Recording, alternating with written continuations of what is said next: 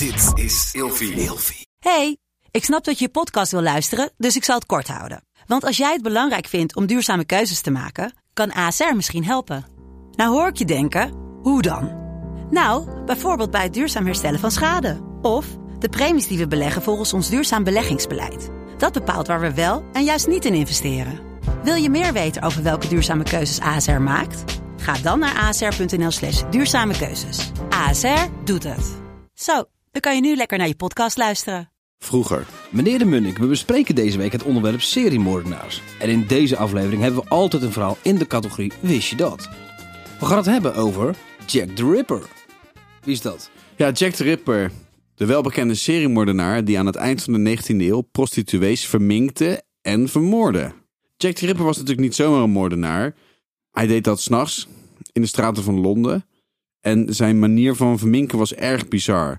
Hij sneed de organen uit het lichaam van zijn slachtoffer met chirurgische precisie. Kijk, hij is ook een soort trots op zijn werk. En hij schrijft dus een brief, de, de From Hell brief. En George Lusk ontving deze brief op dinsdag 16 oktober 1988 met een stuk nier van een van de slachtoffers. En de brief was ondertekend door Jack the Ripper. Zo is die naam ontstaan en die werd snel overgenomen door de media in die tijd. En de zaken zijn altijd onopgelost gebleven. In de afgelopen 130 jaar zijn er best wel veel personen aangewezen als mogelijke dader. En er is zelfs een vrouw als mogelijke Jill the Ripper uh, opgenomen in dat bestand. Maar er is nooit sluitend bewijs geweest. En daardoor is Jack the Ripper een soort mythisch figuur geworden. Want ze weten nog steeds dus niet wie het eigenlijk is. Nee. Dus um, wie is Jack the Ripper? We weten het niet. Nee, we weten het niet. En um, ze, ze denken dat het misschien wel iemand is die in naam van het Koningshuis moest opereren. Dat er dus iemand.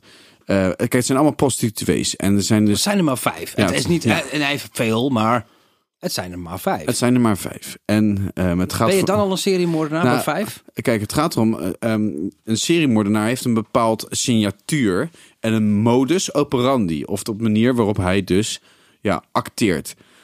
Um, ze zijn trots op het feit wat ze doen. Ze halen daar bepaalde verlangens uit en, en bepaalde genoegdoeningen. Het zijn ook vaak intellectuelen. Dus die willen een soort meesterwerk achterlaten. En ze gaan er goed op dat ze niet gepakt worden door de overheid. Dus veel seriemoordenaars of misdadigers... die hebben dus hun eigen handtekening of signatuur. Um, de modus operandi wordt gezien als het handschrift van de dader. Maar het, het, kunnen eigenlijk twee. Het zijn twee losse dingen. Dus de modus operandi is hoe die handelt. En de signatuur is hoe die eigenlijk aan zijn lustgevoelens voldoet. Maar het is toch heel stom als je een seriemoordenaar bent. Dat je dan continu hetzelfde doet. Omdat ze dan die moorden aan je kunnen linken. Of is het een psychisch iets in die mensen dat ze dat juist willen? Ja, kat en muisspel. Ja, het is een kat en muisspel. Ze willen dat juist. En het kan ook zijn dat je dus steeds dit moet doen om, om aan die lustgevoelens te voldoen. Ik heb hier wel een voorbeeld voor. Bijvoorbeeld een bankrover die gijzelaars dwingt zich uit te kleden en te poseren in obscene houdingen terwijl hij foto's neemt. Laat duidelijk signatuur achter. Oh ja. Voor de overval is het niet nodig om de foto's te nemen. Het verlengt alleen zijn verblijf in de bank. En het laten uitkleden van geestelaars is iets wat hij moet doen om voldoening uit het misdrijf te halen. Maar dat doen ze dus echt. Er zijn misdadigers die dit dus doen. Ja, um, een bankrover die gijzelaars dwingt zich uit te kleden in de hoop dat zij zich zo schamen en op elkaar letten dat identificatie van de dader bemoeilijk wordt, is bezig met zijn modus operandi. Namelijk, het laten uitkleden van gijzelaars hoort bij het plan om zijn misdrijf te laten slagen. Terug naar Jack the Ripper. Dat was dus wel een seriemoordenaar. Ondanks dat er maar vijf slachtoffers bekend zijn. Ja, hij is een seriemoordenaar omdat een bepaalde signatuur had en modus operandi. Dus een, een psychologisch profiel. Tot morgen. Vroeger.